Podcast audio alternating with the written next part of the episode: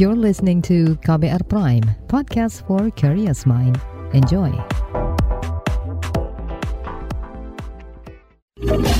Kamu lagi dengerin What's Trending KBR Pagi.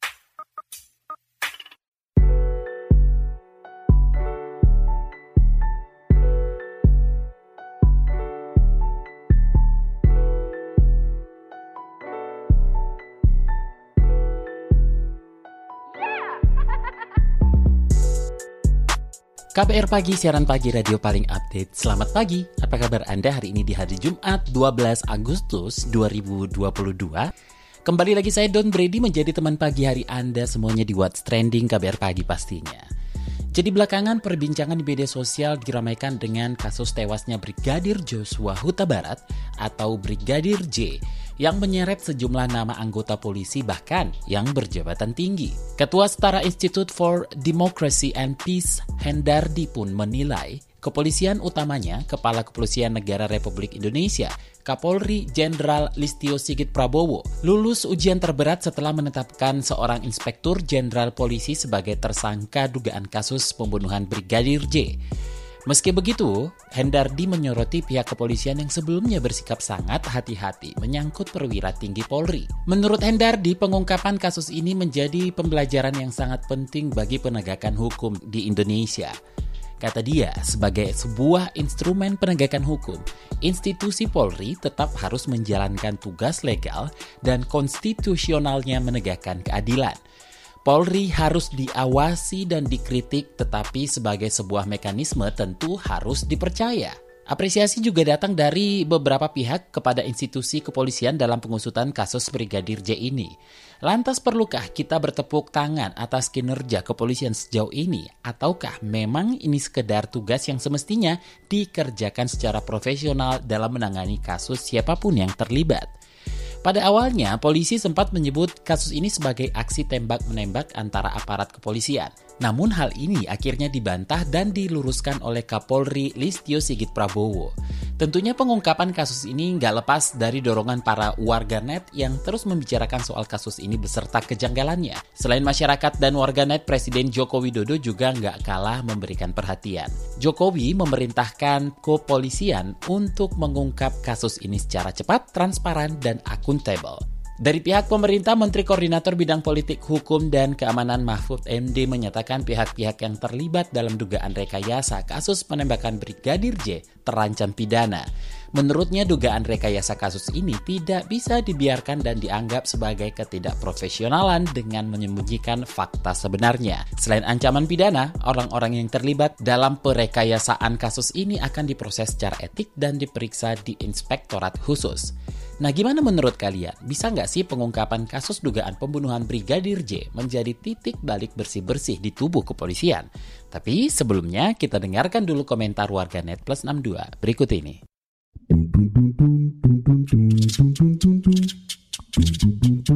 Kita ke komentar at PSNGXX Mahfud MD bilang prestasi Polri transparan atas kasus ini harus diapresiasi. Lalu komentar at ZefXX bukannya yang benar harus dikatakan benar dan salah harus diungkap salah. Ini bukan prestasi jadi tidak perlulah ada apresiasi segala. Komentar at Susi XX sudahlah pak nggak usah kebanyakan kata. Kalau emang salah berani mengaku itu lebih hebat daripada ditutup-tutupi. Rakyat sipil aja kalau salah lari ke mana pun dikebiri. Mau sampai kapan nih hukum dipegang oleh orang-orang seperti ini? Semoga ini bom nuklir yang membuka cakrawala semua kebusukan. Dan terakhir komentar at Gomarus XX. Selamat pagi Pak. Ya kita berharap agar kasus ini cepat selesai dan jangan ada lagi faksi-faksi di tubuh institusi yang merusak kinerja kepolisian.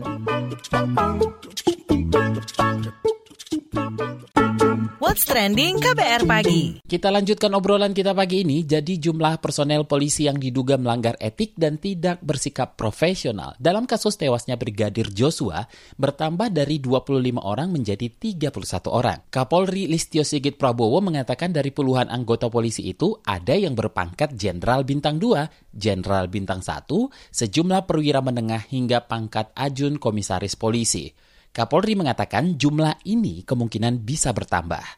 Ketua Indonesia Police Watch Sugeng Teguh Santoso menilai penuntasan kasus pembunuhan Brigadir Joshua ini bisa dimanfaatkan institusi kepolisian sebagai momen bersih-bersih. Seperti apa? Kita tanyakan ke Ketua IPW Indonesia Police Watch Sugeng Teguh Santoso. Oke Pak, penetapan tersangka bekas Kepala Divisi Profesi dan Pengamanan Polri Jenderal Bintang 2 Verdi Sambo dalam kasus Brigadir Joshua disebut-sebut sebagai kelulusan ujian terberat institusi Polri. Jika ini dijadikan momen uh, bersih-bersih tubuh Polri, apa tantangan ke depannya yang perlu dihadapi Kapolri dalam memimpin proses ini? Oh sangat bisa dan harus ya sangat bisa dan harus menjadi momentum penting melakukan bersih-bersih di dalam tubuh Polri. Tubuh Polri ini langsung di jantung pertahanan, di jantung utamanya loh di Mabes Polri ya. Karena Verdi Sambo tenggelam, dia menarik minimal 31 orang lain tenggelam. Padahal 31 orang lain ini tidak terlibat kasus pembunuhan, tetapi di dalam hal melakukan obstruction of justice, yaitu menghambat proses penegakan hukum dengan modus merusak tempat kejadian perkara dan menghilangkan barang bukti serta merekayasa cerita atau merekayasa kasus. Ini tiga hal. Mengapa penting ya? Institusi Polri itu sudah diikat dengan peraturan-peraturan yang sangat ketat, ya rigid. Ada kode etik, ada peraturan disiplin, ada kuhab, ada undang-undang kepolisian, dan banyak peraturan lain, perkap-perkap yang mengatur aturan uh, juklak, juknis ya. Akan tetapi mereka mengabaikan itu semua. Artinya relasi yang terbangun dan tersembunyi di bawah permukaan adalah mereka ini satu kelompok, kalau saya kelompok geng mafia yang sudah biasa sama-sama saling memahami walaupun harus melanggar aturan. Tujuannya apa? Tujuannya adalah memelihara kepentingan dan kelangsungan kelompok. Jadi ada pola-pola yang sudah terbentuk, proses panjang, pola hierarki struktur atasan bawahan yang tidak lagi mengikuti sistem yang diwajibkan dengan nilai-nilai peribrata Polri. Sebelumnya bagaimana catatan terhadap kepolisian dan penegakan kasus yang melibatkan anggota polisi berpangkat tinggi? jangankan bintang perwira tinggi ya, bahkan di bawah perwira tinggi apabila pelanggaran oleh akpol ya, yang dari lulusan akpol mereka itu akan saling melindungi kalau berhadapan dengan kelompok non akpol ya. mereka akan saling melindungi ini atribut mereka kemudian yang kedua IPW telah melakukan mendapatkan banyak pengaduan dari masyarakat. Pelanggaran yang paling sulit untuk itu pelanggaran dalam bidang penegakan hukum melalui bidang reserse. Ya tahun 2021 kemarin kan kita rame dengan novel negatif, percuma lapor polisi ya, ekor tidak bisa dipotong, kepalanya dipotong. Ini ternyata hanya ada di permukaan. Dan yang paling sulit untuk dibongkar atau diperbaiki itu terkait pelanggaran di bidang reserse.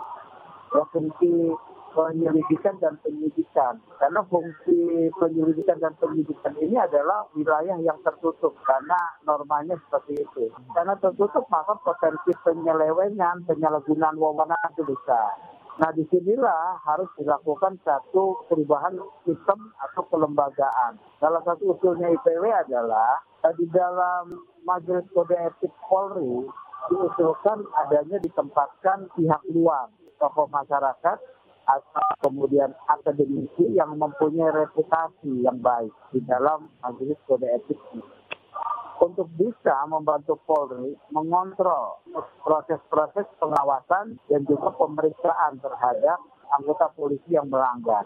Oke, bisakah penanganan kasus Brigadir J jadi standar dalam penanganan kasus ke depannya terlebih bila berhadapan dengan internal kepolisian?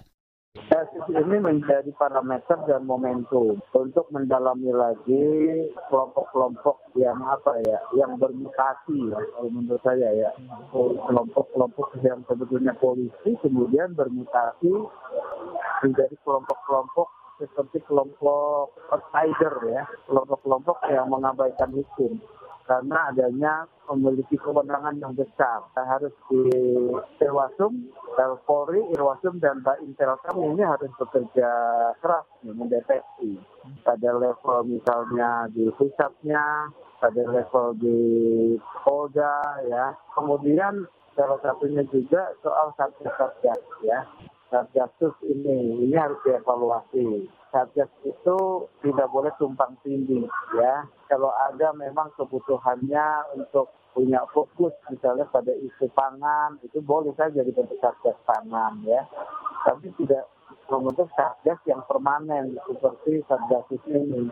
Satgas kan sifatnya seperti permanen dengan kewenangan yang sama padahal tidak dibentuk berdasarkan undang-undang dengan kewenangan yang sama melakukan penyelidikan dan penyidikan kasus-kasus atensi. Ini melanggar sistem ketatanegaraan. Terima kasih Ketua Indonesia Police Watch, Sugeng Teguh Santoso. What's Trending KBR Pagi Newsbeat. Center for Disease Control and Prevention, CDC Amerika Serikat mengungkap cacar monyet di Amerika 99% kasusnya terjadi pada laki-laki. Ini terungkap dari laporan Morbidity and Mortality Weekly Report yang dikumpulkan Pusat Pengendalian dan Pencegahan Penyakit Amerika. Dari angka penularan itu ditemukan angka penularan 94% terjadi lantaran hubungan seksual dan kontak intim. Cacar monyet sendiri punya gejala seperti flu yang disertai ruam yang berubah menjadi lesi. Penularannya pun terjadi saat kontak dekat lewat cairan tubuh pasien yang terinfeksi seperti tetesan pernafasan, cairan luka terbuka, hingga cairan dari hubungan seksual. Sebuah perusahaan travel tetap mempromosikan pariwisata ke Ukraina di tengah invasi Rusia.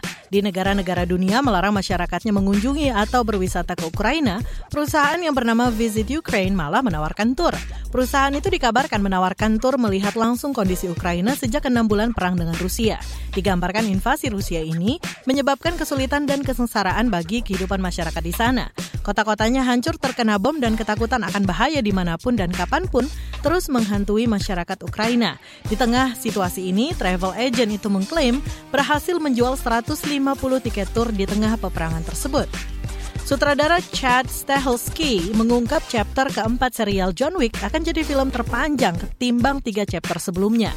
John Wick 4 diduga berdurasi lebih dari 131 menit atau melebihi durasi John Wick 3 yang memegang rekor terpanjang serial tersebut. Selain durasi yang terus bertambah dari tiap chapternya, keuntungan dari film pun diprediksi meningkat dari film-film sebelumnya.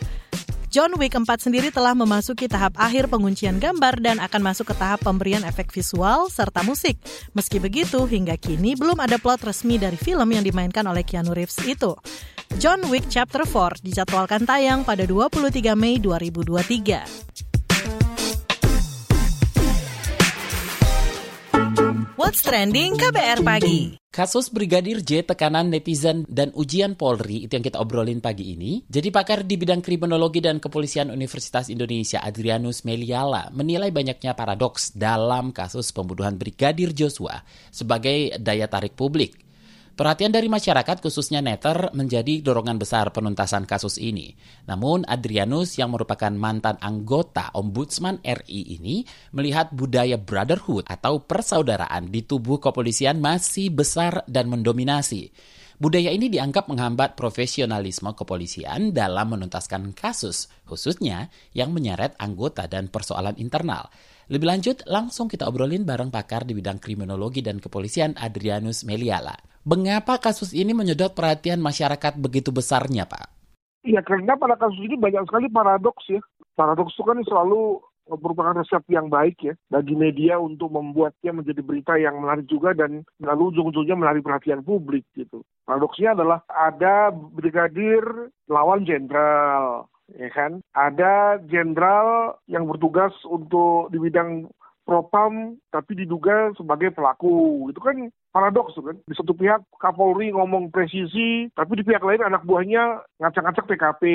Ada jenazah katanya dia tembak menembak, tapi kok yang kena tembak hanya sebelah sini, sementara yang sana nggak kena tembak satupun. Eh, banyak cerita yang kemudian lalu kemudian dimaknai sebagai bukan paradoks yang biasa gitu ya, sehingga lalu terasa sebagai janggal dan ini menambah bumbu bagi meningkatnya rasa ketertarikan masyarakat perihal kasus ini. Adakah sorotan dan dukungan publik dalam mengawasi dan mengawal kasus ini juga berperan dalam penuntasan kasus yang ditangani kepolisian?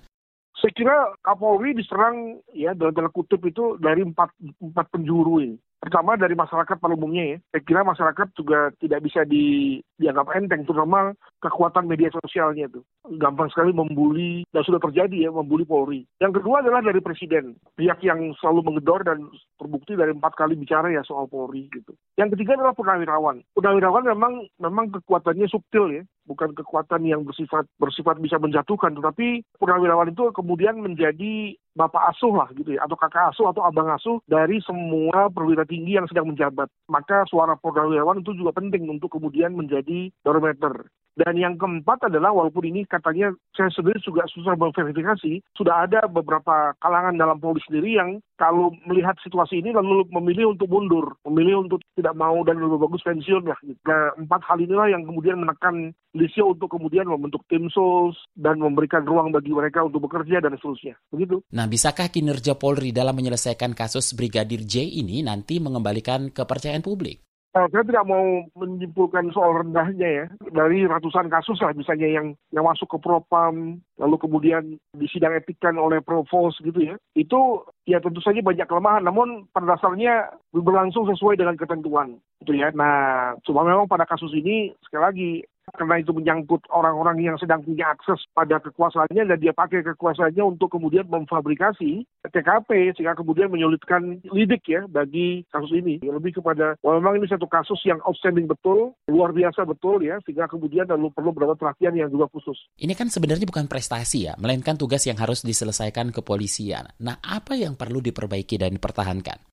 Ya, saya setuju dengan perihal bahwa ini bukan prestasi ya. Jadi sekarang ini misalnya banyak poster beredar di media sosial dan saya kira itu juga di, di arrange tuh ucapan dari berbagai pihak tentang selamat Kapolri dan seterusnya. Selamat apa? saya berada pada posisi tidak menyambut dengan gembira gitu ya. Karena memang ini adalah hal yang pertama memang merupakan hal yang lumrah dan yang kedua adalah bahwa ini sebetulnya berangkat dari kesalahan ya dari pihak Polri sendiri sebetulnya kan begitu sehingga sehingga kemudian hal ini terjadi. Masa sesuatu yang sebetulnya berawal dari salah lalu kemudian diperbaiki lalu dianggap sebagai pujian. Saya lebih melihat ini sebagai satu satu keputusan yang tepat dari Listio sebagai Kapolri untuk untuk lebih menjaga menjaga jabatannya daripada memelihara temannya gitu kan. Kan dia karena saya kira kalau dalam hal ini yang bersangkutan nggak serius pasti Kapolri akan dicopot oleh presiden. Pasti itu ya. Nah dia kayaknya lebih sayang jabatannya maka kemudian dia bertindak serius walaupun korbannya adalah teman sendiri gitu ya. Nah jadi itu ya kalaupun mau diselamati ya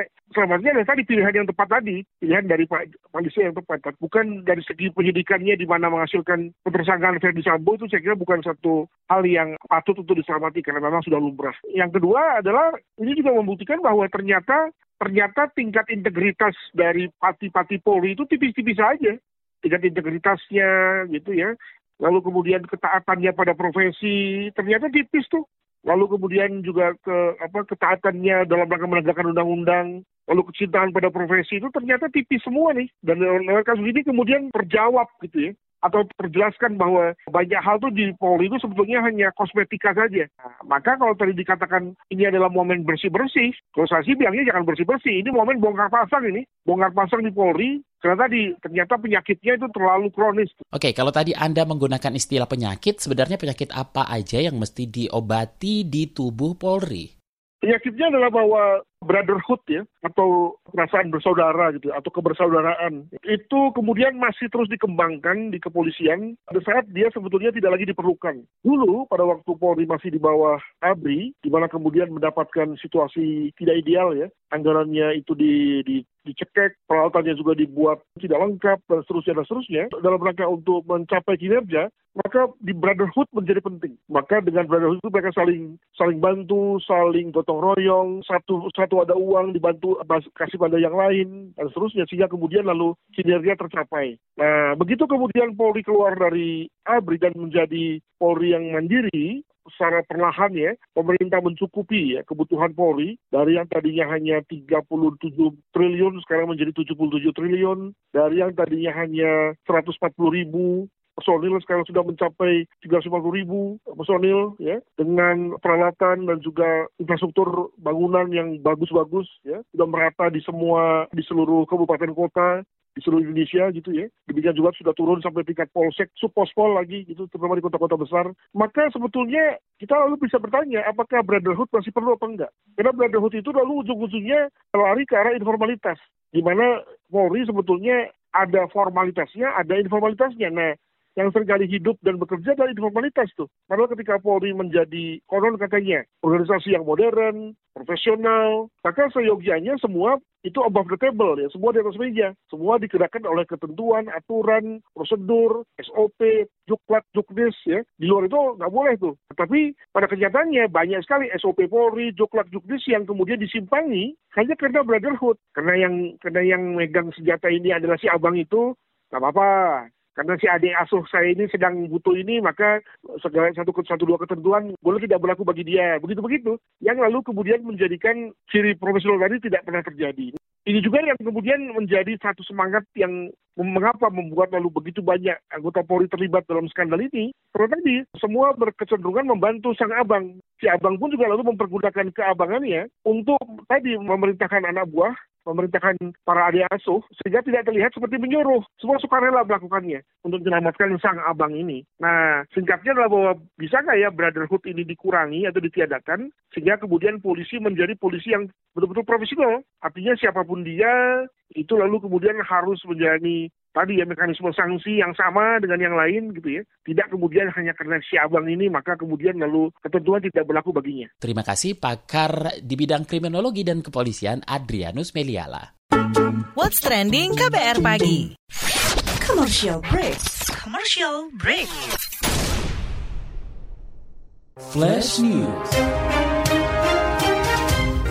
Saudara, berikut ini akan kita dengarkan pengakuan pendengar yang ketagihan mendengar informasi dari Buletin Pagi KBR.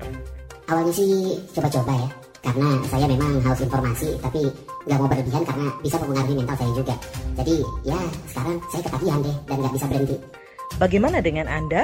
Dengarkan Buletin Pagi dari Senin sampai Jumat jam 6 pagi waktu Indonesia Barat. Cukup 30 menit saja. Dengarkan juga podcastnya di kbrprime.id. KBR, inspiratif, terpercaya. Flash News.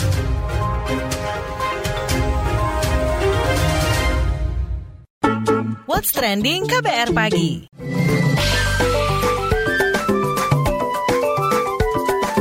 WhatsApp Indonesia WhatsApp Indonesia dimulai dari Jakarta. Pengamat ekonomi menilai kenaikan harga tiket pesawat dan ojek online ojol akan memicu peningkatan inflasi. Menurut ekonom dari Lembaga Pengamat Ekonomi Corp, Yusuf Rendi, pengaruh kenaikan harga itu paling berpengaruh di kota-kota besar yang juga berdampak pada inflasi nasional. Hanya saja, kata dia, pengaruh kenaikan harga di transportasi terhadap inflasi itu tidak sebesar pengaruh makanan terhadap inflasi. Ekonom Corp, Yusuf Rendi menambahkan, kenaikan tarif transportasi akan semakin menekan daya beli masyarakat jika tidak disertai dengan kenaikan upah. Dia mendorong pemerintah memberikan bantuan sosial kepada masyarakat ekonomi rendah sebagai bantalan ekonomi di tengah peningkatan inflasi. Per 14 Agustus mendatang, pemerintah memperlakukan kenaikan tarif ojek online. Selanjutnya menuju Jawa Tengah, Ikatan Dokter Anak Indonesia IDAI Jawa Tengah meminta pemerintah daerah menghentikan pembelajaran tatap muka PTM pasca peningkatan anak usia 7 tahun akibat COVID-19 di Magelang. Menurut Sekretaris IDAI Jateng Khairul Anam, penghentian itu untuk mengantisipasi penularan COVID-19 pada anak di sekolah. Anam melanjutkan, selain penutupan pembelajaran tatap muka, antisipasi penularan COVID-19 lainnya pada anak diperlukan dilakukan dengan percepatan vaksin dosis 1 dan 2. Anam juga meminta penerapan protokol kesehatan di lingkungan sekolah dan keluarga diperketat kembali. Menurutnya, penularan COVID-19 pada anak kembali masif sejak Juli lalu. Idai Jateng mencatat sebanyak 20 anak di provinsi itu terkonfirmasi COVID-19. Sebelumnya, seorang anak perempuan berusia 7 tahun, warga kota Magelang meninggal karena positif COVID-19. Sebelum meninggal, anak yang juga memiliki penyakit penyerta itu sempat dirawat selama 10 hari di RSUD Tidar. Terakhir mampir Kupang, karena berhasil mengubah lahan tidur jadi kebun tomat, seorang anggota polisi mendapatkan penghargaan. Dilansir antara news, Bribka Nasro Ikhwan Ninong di Polres Belu, Kabupaten Belu, NTT, mendapatkan penghargaan dari Kapolres Belu AKBP Yosep Kris Bianto. Nasro menyampaikan bahwa penghargaan yang ia dapat itu bukan menjadi satu hal yang dibanggakan, tetapi penghargaan yang ia peroleh justru menjadi cambuk bagi dirinya untuk tetap berkarya bagi masyarakat masyarakat. Nasrul mengaku masih mempunyai cita-cita membantu masyarakat di kawasan perbatasan itu, khususnya di desa Manegun, Kecamatan Lasiolat agar bisa memiliki penghasilan tambahan dari kebun yang ia bantu kelola. Nasrul mulai mengembangkan lahan tidur itu pada 22 April 2022. Kini di atas lahan Matias Moruk dikembangkan sekitar 700 tanaman tomat lahurus khas daerah Lasiolat. Demikian WhatsApp Indonesia hari ini. Demikian kabar pagi hari ini. Jika Anda tertinggal siaran ini, Anda kembali bisa menyimaknya di podcast What's Trending yang ada di Spotify, kbrprime.id, dan di aplikasi mendengarkan podcast lainnya. Don't ready, undur diri. Have a nice day, have a nice weekend. Stay safe, bye-bye. Terima kasih ya sudah dengerin What's Trending KBR Pagi. KBR Prime, cara asik mendengar berita. KBR Prime, podcast for curious mind.